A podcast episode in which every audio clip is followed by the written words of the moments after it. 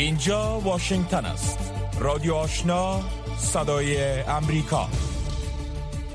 شنونده های گرامی به برنامه امشب خوش آمدید. فوزی احسان هستم و با همکارانم برنامه امشب را تقدیم می کنیم در کنار سایر گزارشات امروز گزارشی از ملاقات جو بایدن رئیس جمهور امریکا با محمود عباس رئیس تشکیلات خودمختار فلسطین داریم. اما قبل از این که به نشر گزارش های این ساعت بپردازیم همکارم میرویس رحمانی خبرهای این ساعت را پیشکش می کند سلام شنونده های عزیز پاکستان از اشتراک در نشست تاشکند در مورد افغانستان خبر داد. نشست بین المللی تاشکند در مورد افغانستان به تاریخ 25 و 26 جولای با اشتراک بیش از 20 کشور جهان برگزار خواهد شد. روزنامه پاکستانی دنیوز گزارش داده که پاکستان دیروز تصمیم خود را مبنی بر اشتراک در این نشست اعلام کرد و به گفته مقام های پاکستانی آمادگی های اسلام آباد برای اشتراک در این نشست آغاز شده است. پیش از این روزنامه تاشکند تایمز به نقل از ولادمیر نوروف سرپرست وزارت خارجه ازبکستان گزارش داده بود که نمایندگان طالبان نیز در این نشست اشتراک خواهند کرد. آقای نوروف همچنان تاکید کرده که اشتراک نمایندگان طالبان در این نشست به معنی به رسمیت شناختن حکومت طالبان نمی باشد. بر اساس گزارش روزنامه تاشکند تایمز سرپرست وزارت خارجه ازبکستان از طالبان خواسته تا یک حکومت همشمول با اشتراک نمایندگان تمام گروه های سیاسی، قومی و مذهبی افغانستان ایجاد کنند. جو بایدن رئیس جمهوری ایالات متحده در ادامه سفرش به شرق میانه امروز در بیت لحم با محمود عباس رئیس تشکیلات خودمختار فلسطین ملاقات کرد. جزیات بیشتر را از رویا زمانی مشنویم. آقای بایدن گفت هرچند هدف تحقق رای حل ایجاد دو کشور مستقل اسرائیل و فلسطین بعید به نظر می رسد اما او به تلاش ها به خاطر حمایت از یک رای حل عادلانه برای منازعه اسرائیلی ها و فلسطینی ها ادامه خواهد داد. رئیس جمهور بایدن افزود که ایالات متحده و حکومت وی از پیدا کردن یک رای حل عادلانه برای حل اختلافات اسرائیلی ها و فلسطینی ها منصرف نخواهد شد. محمود عباس رئیس تشکیلات خودمختار فلسطین گفت که فرصت اندک برای راه حل ایجاد دو کشور مستقل اسرائیل و فلسطین باقی مانده است. او علاوه کرد که راه حل ایجاد دو کشور بر اساس مرزهای 1967 ممکن امروز قابل دسترس باشد اما این راه حل در دراز مدت موجود نخواهد بود. آقای عباس همچنان از رئیس جمهور بایدن خواست تا قاتلین شیرین ابو عاقله خبرنگار امریکایی فلسطینی تبار را حسابده قرار دهد. شیرین دو ماه قبل در جریان یک حمله سربازان اسرائیلی بر کرانه غربی کشته شد. اردوی ایران به ایالات متحده و اسرائیل در مورد تهدیدهای استفاده از زور علیه تهران هشدار داد. جنرال ابوالفضل شکارچی سخنگوی نیروهای مسلح ایران امروز در واکنش به اظهارات اخیر رئیس جمهور بایدن گفت که ایالات متحده و اسرائیل هزینه به کارگیری واژه استفاده از زور علیه ایران را می‌دانند. جو بایدن رئیس جمهوری ایالات متحده قبل از سفرش به اسرائیل گفته بود که او ممکن به حیث آخرین گزینه به خاطر مانع شدن ایران از دستیابی به سلاح اتمی از زور کار بگیرد. سخنگوی نیروهای مسلح ایران گفت که ممکن بایدن هنگام تهدید کردن ایران خوابالود بوده است. رهبران ایالات متحده و اسرائیل دیروز پس از ملاقات تعهد را مبنی بر مانع شدن ایران از دستیابی به سلاح اتمی امضا کردند. ایران بارها تلاش برای دست یافتن به سلاح اتمی را رد کرده و گفته که برنامه اتمی این کشور به خاطر مقاصد سلامیز برای انداخته شده است. به دنبال اختطاف و اعدام یک افسر اردوی پاکستان توسط جدایی طلبان بلوچ مقام های امنیتی این کشور از کشتن حداقل نو جدایی طلب بلوچ خبر دادند. مقام های محلی و اردوی پاکستان دیروز تایید کردند که 15 جدایی طلب بلوچ که با پوشیدن لباس پلیس تغییر قیافه داده بودند روز سهشنبه لایق مرزا یک افسر اردوی پاکستان را در شهرک زیارت در نزدیکی کویتا مرکز ایالت بلوچستان همراه با خانوادهش اختطاف کردند. اردوی آزادی بخش بلوچستان مسئولیت ربودن این افسر اردوی پاکستان را بر عهده گرفت و سپس اعلام کرد که این افسر را اعدام و اعضای خانواده وی را رها کرده است. مقام های محلی نیز رهایی اعضای خانواده این افسر اردوی پاکستان را تایید کردند اردوی پاکستان تا اکنون در مورد عملیات سرکوب عاملین این رویداد جزیات نداده است. رانیل وکرمسنگ صدر سریلانکا امروز به حیث رئیس جمهور موقت این کشور حلف وفاداری یاد کرد. تفصیل بیشتر را از فوزیه حسان مشنویم.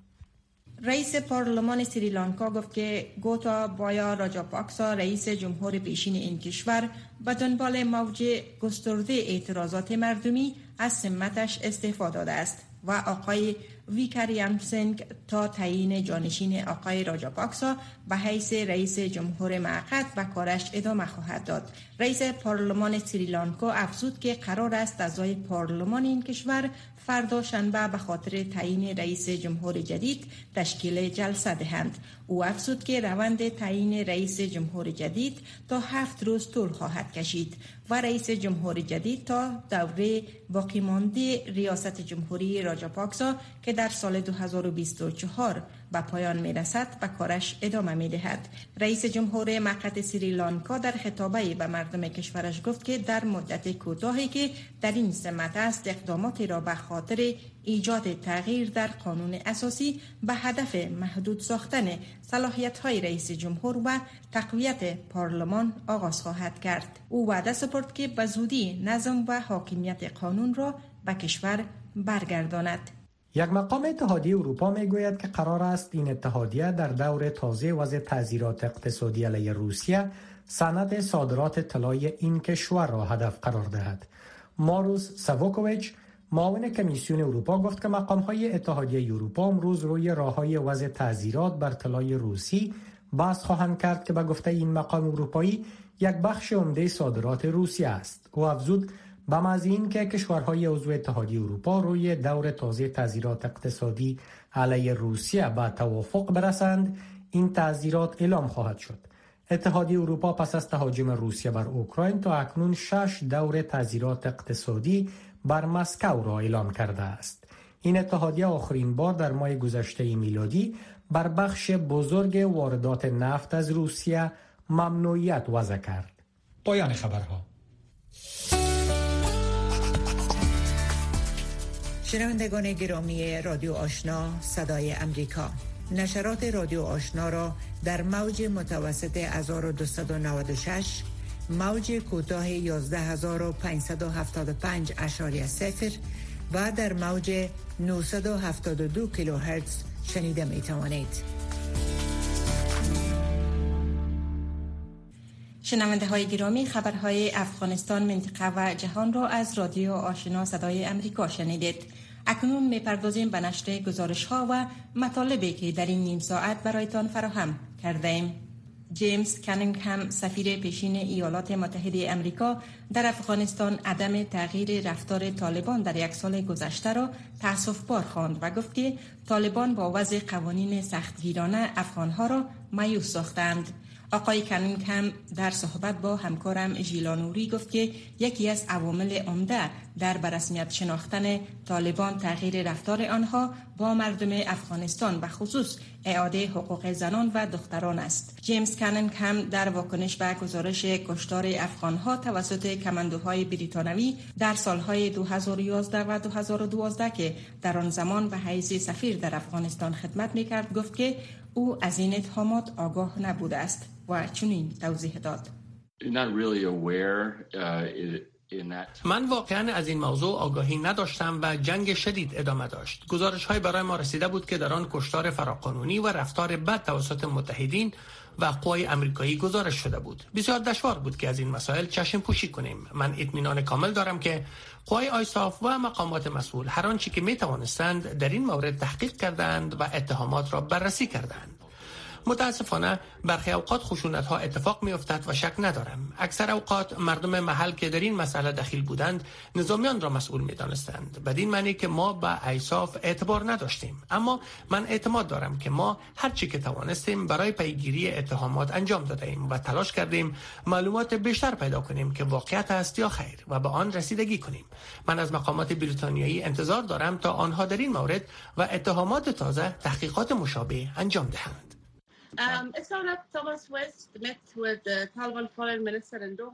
توماس وست نماینده خاص ایالات متحده در امور صلح افغانستان با وزیر خارجه طالبان در دوحه ملاقات کرد. به نظر شما ایالات متحده از طالبان انتظار دارد که تغییر کنند و فکر می‌کنید که در یک سال گذشته آنها تغییر رفتار دادند؟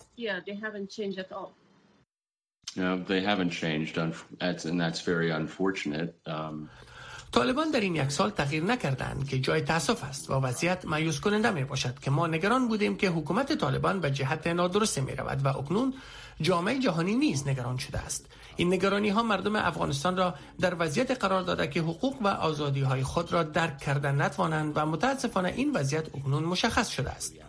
موقف ایالات متحده و اکثریت شرکای ما در افغانستان یکسان بوده و تغییر نخواهد کرد. طالبان باید از طرف مردم افغانستان مشروعیت بگیرند و آنها باید به معیارهای حقوق بشری و آزادیهای فردی به ویژه حقوق زنان احترام گذارند.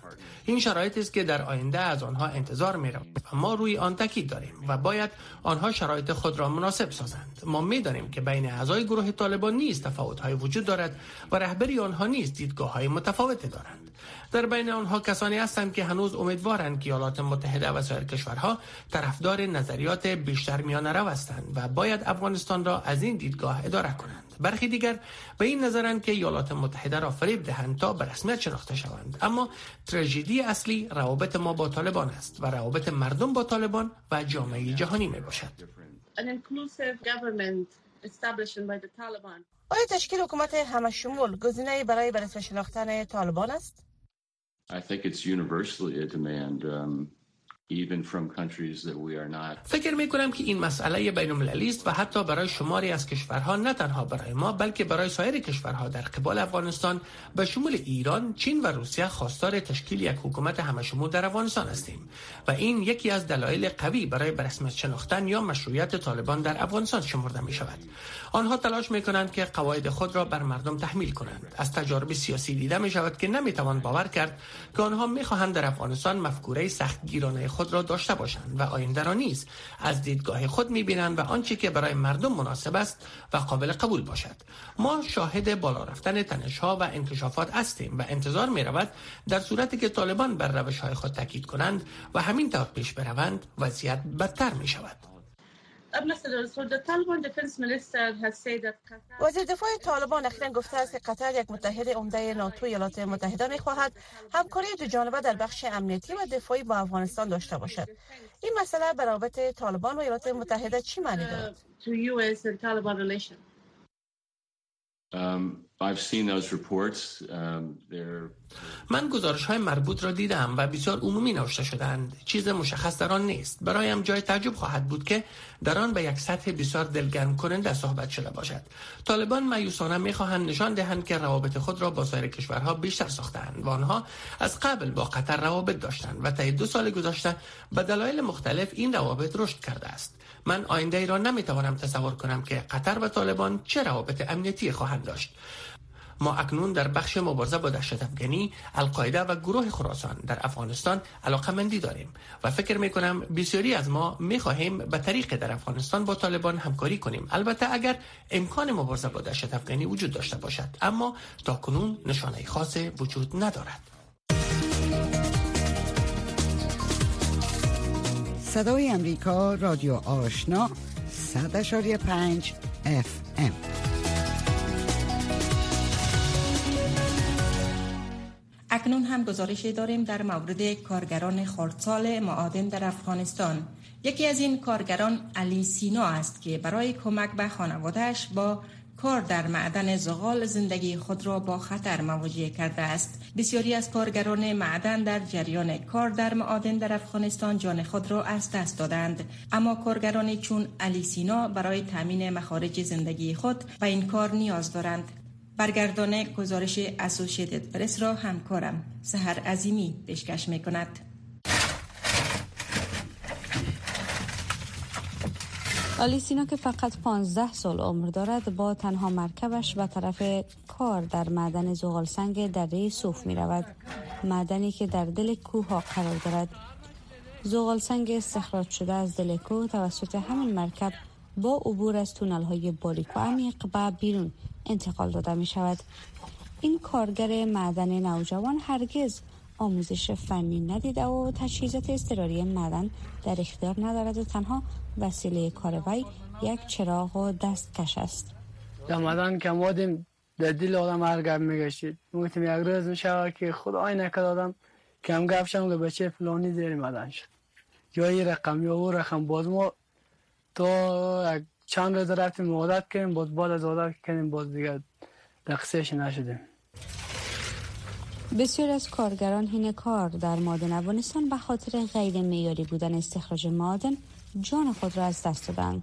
که در تازه ترین مورد در سال 2021 یک معدن موقت فرو ریخت و پنج تن را زیر گرفت. اما کارگرانی چون الیسینا با وجود این خطر جانی گزینه دیگری برای امرار معاش ندارند. خودمون ما در مجبوری کار می‌کنیم دیگه دیگه. دیگه چی رقم کار کنیم؟ اینجا اگر روزگار بچله اینجا زیر مدن که ما نمی اینجا به مدن کار کنیم اینجا. ده اینجا هر کس کارم نمی‌تونه که بگم ما کار می‌کنم و دیگه می‌کنم. اینجا دیگه دائم دیگه کجان بازی منشت علی سینا با وجودی که پشت خانوادهش دلتنگ می شود اما نمی تواند وظیفه را رها کند و به دیدار آنان برود. معاش ماهانه علی سینا 15 هزار افغانی است که معادل 165 دلار آمریکایی می شود افغانستان که از دراز مدت با مشکلات اقتصادی دست گریبان بوده پس از به قدرت رسیدن طالبان در آگست سال گذشته دچار بحران شده است. به نظر می رسد که معادن زغال سنگ و منبع درآمد به حاکمان تندرا و افغانستان نیز مبدل شده است. پس از استخراج یک تن زغال سنگ حدود 4500 افغانی که معادل 50 دلار می شود به فروش می رسید اما اکنون طالبان بر آن 3100 افغانی مالیه اضافه کردند. وقتی زغال سنگ در نهایت به بازار مزار شریف می رسد یک تن آن به ده هزار افغانی که معادل 111 دلار امریکایی می شود به فروش می رسد لیاقت علی اخلاقی تحلیلگر مسائل اقتصادی و استاد پانتون می‌گوید که صادرات زغال در این اواخر و کشورهای همسایه به ویژه پاکستان به بیش از دو هزار تن در روز افزایش یافته است. اقتصاد افغانستان در حالت بسیار بدی به سر می‌بره و تنها چراغ سبزی که میشه در این جدید در این اقتصاد صادرات معادن ما و ارزاوری در داخل کشور است که مشکل ثبات پولی ما را تا حدودی حل می‌کنه و مشکل معیشت خانواده های ما را هم تا حدودی رفع می‌کنه. آقای اخلاقی می‌گوید که با سقوط وضعیت اقتصادی مشاغل معدن زغال سنگ می‌تواند خانواده ها را در عرصه اقتصادی و امرار معاش کمک کند. یکی از آنها آتیبیک است که با دو پسرش برای کار به معدن آمدند. یازده نفر ناخور هستیم دیگه چراننده هستیم بچه خود آورده اینجا دیگه کار پاتر مکتب کشیدیم و واشق نمی‌تونستیم دیگه خب من خودم پر شدم سفید شدم نمی‌تونم کار کردم. بچه خود آوردم در کار. بر اساس گزارش سروی اداره زمینشناسی ایالات متحده افغانستان دارای ذخایر نفت، گاز، لیتیم و سایر فلزات و مواد معدنی کمیاب به ارزش تریلیون دلار است که بیشتر آنها به دلیل ناامنی و خشونت در مناطق مختلف افغانستان دست نخورده باقی مانده است. شنوندگان گرامی رادیو آشنا صدای امریکا نشرات رادیو آشنا را در موج متوسط 1296 موج کوتاه 11575 اشار سفر و در موج 972 کیلوهرتز شنیده می توانید. در حالی که تا یک ماه دیگر حکومت طالبان در افغانستان یک ساله می شود هیچ تحولی در تصمیمشان در رابطه به مسدود کردن مکاتب متوسطه و لیس دختران در افغانستان رونما نشده است. این تصمیم یکی از اقدامات طالبان بود که سریعا بعد از به قدرت رسیدن آنها در افغانستان اتخاذ شد و اکنون با گذشت بیش از 300 روز این مکاتب همچنان مسدود باقی مانده است. به شرح بیشتر گزارش در این مورد از لینا روزبه توجه کنید. 300 روز یا ده ماه میگذرد که دختران در افغانستان قادر به رفتن به مکتب بعد از سنف ششم نیستند. در حالی که نگرانی ها بعد از به قدرت رسیدن طالبان در افغانستان مشی آنها در قبال زنان بود. طالبان با اتخاذ این تصامیم بار دیگر خاطرات دوران حکومتداری خود را در دهه 90 در افغانستان تازه ساختند. متعاقب این تصمیم طالبان. زنان در شهرهای مختلف افغانستان دست به اعتراض ها زده و کمپین های مدنی را از طریق رسانه های اجتماعی نیز آغاز کردند. ولی هیچ یک از این تحولات تأثیری را روی این تصمیم طالبان نگذاشت و طالبان به توقیف و حبس فعالین شامل در این اعتراض ها آغاز کردند. طالبان می‌گویند که طبق قوانین شریعت حقوق زنان را تامین می کنند و مصروف تصمیم گیری روی نصاب تعلیمی و یونیفرم مکاتب دخترانه هستند. ولی افغانستان اولین کشور اسلامی است که دختران در آن حق رفتن به مکتب را ندارند. شما شاید در هیچ جای دنیا در هیچ کشور اسلامی ندیده باشین که دخترها حق آموزش نداشته باشند. خداوند گفته که علم به زن و مرد فرض است. طالبا به بنیاد کدام فلسفه به بنیاد کدام دین دخترای افغانستان از آموزش محروم ساختن. طالبان چند روز قبل از کنفرانس سازمان ملل متحد روی جمعآوری یانه برای افغانستان در ماه مارچ سال جاری تعهد سپردند که مکاتب را به تاریخ 31 ماه مارچ خواهند گشود ولی چند روز بعد این تصمیم را فسخ کردند. برخی از تحلیلگران عدم واکنش جدی جهان را به این تصمیم طالبان دلیل ادامه مسدود باقی ماندن مکاتب دختران می‌دانند. این هفته 300 روزی را مشخص می سازد که دختران از رفتن به مکتب در افغانستان باز داشته شده است. این یک فاجعه بزرگ برای دختران و برای افغانستان است. چون افغانستان قادر به پیشرفت اقتصادی و اجتماعی نخواهد شد اگر نیمی از نفوس آن از علم و دانش دور نگه داشته شود.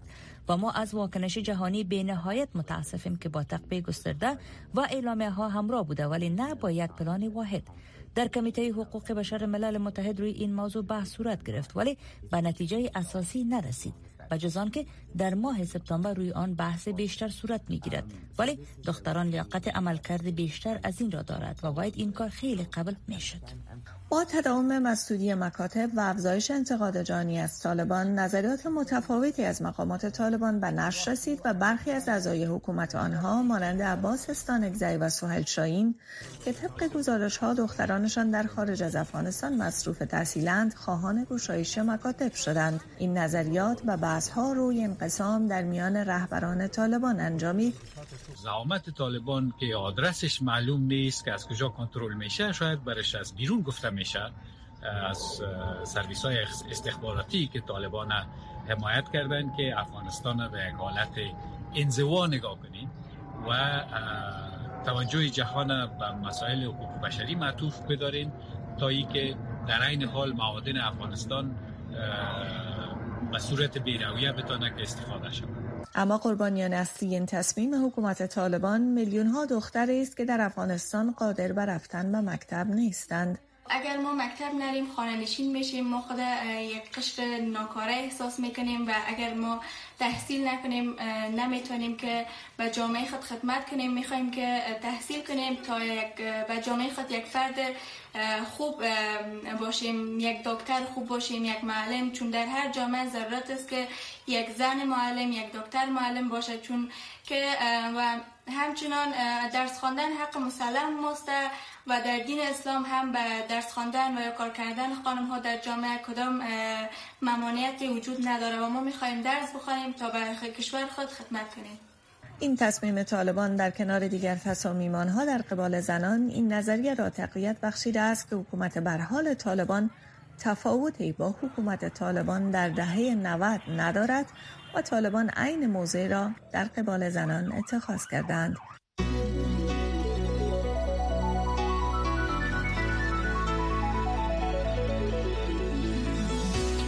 صدای امریکا در فیسبوک facebook.com voa دری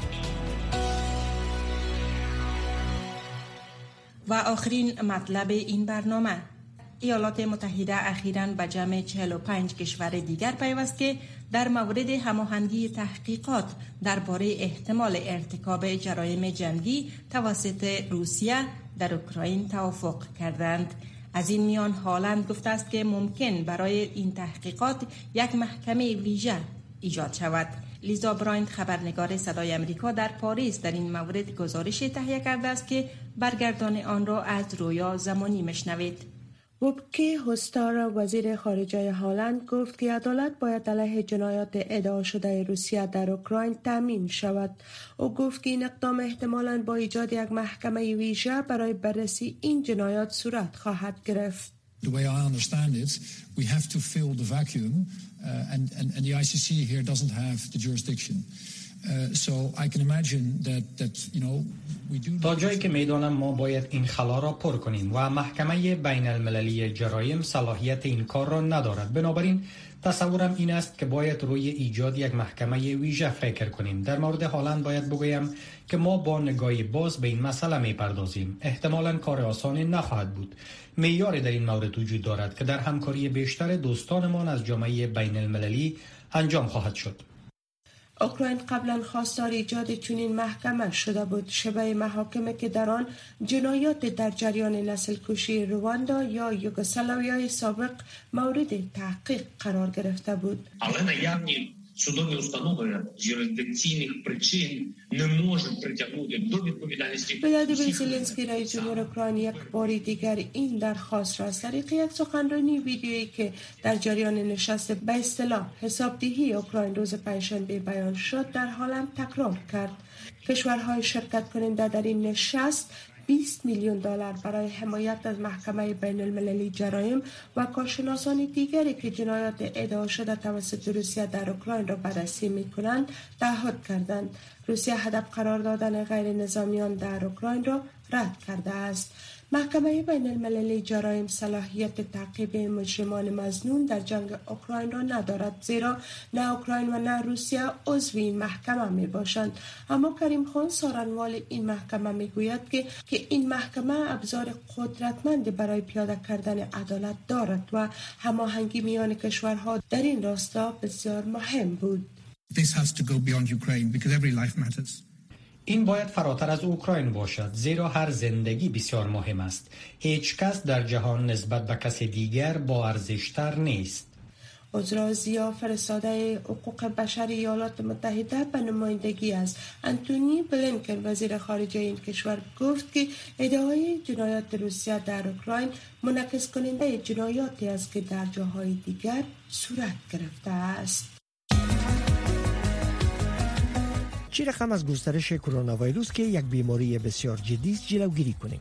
بسیار سوال مهم. شستن مرتب دستا با صابون برای 20 ثانیه و یا همراه مایات که الکل داشته باشه. و بینی دان و چشما باید هیچ دست زدن نشه. وقتی شما میگین که شستن مرتب دستا منظورتون چیست؟ دستا باید همیشه بعد از سلفا و یا عدسه زدن پس از تماس و یا پراساری از کسی که مریض است پیش از جور کردن و یا خوردن غذا بعد از تشناب رفتن و بعد از دست زدن به حیوانات یا انتقال زباله ها و کثافات باید شسته شود خب به ترتیب رقمی که شما گفتین دست یک وسیله انتقال ویروس است. ما هر روز در خانه و بیرون خانه با مردم دست میتیم موضوع مهم را شما یاد کردین. از دست دادن دستبوسی و بغل کشی با را پریز بکنین. و از کسانی که سلفا و یا عدسه می‌زنن کم از کم یک متر فاصله بگیرین تا ویروس با هوای تنفس اونا به بدن خود انتقال نتین.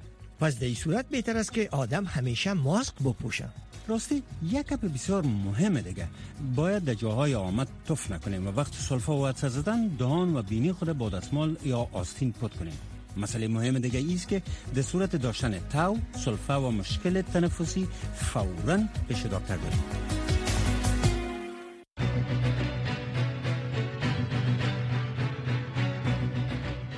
شنونده های گرامی این بود داشته های این ساعت اما برنامه های رادیو آشنا صدای امریکا همچنان ادامه دارد. با ما باشید.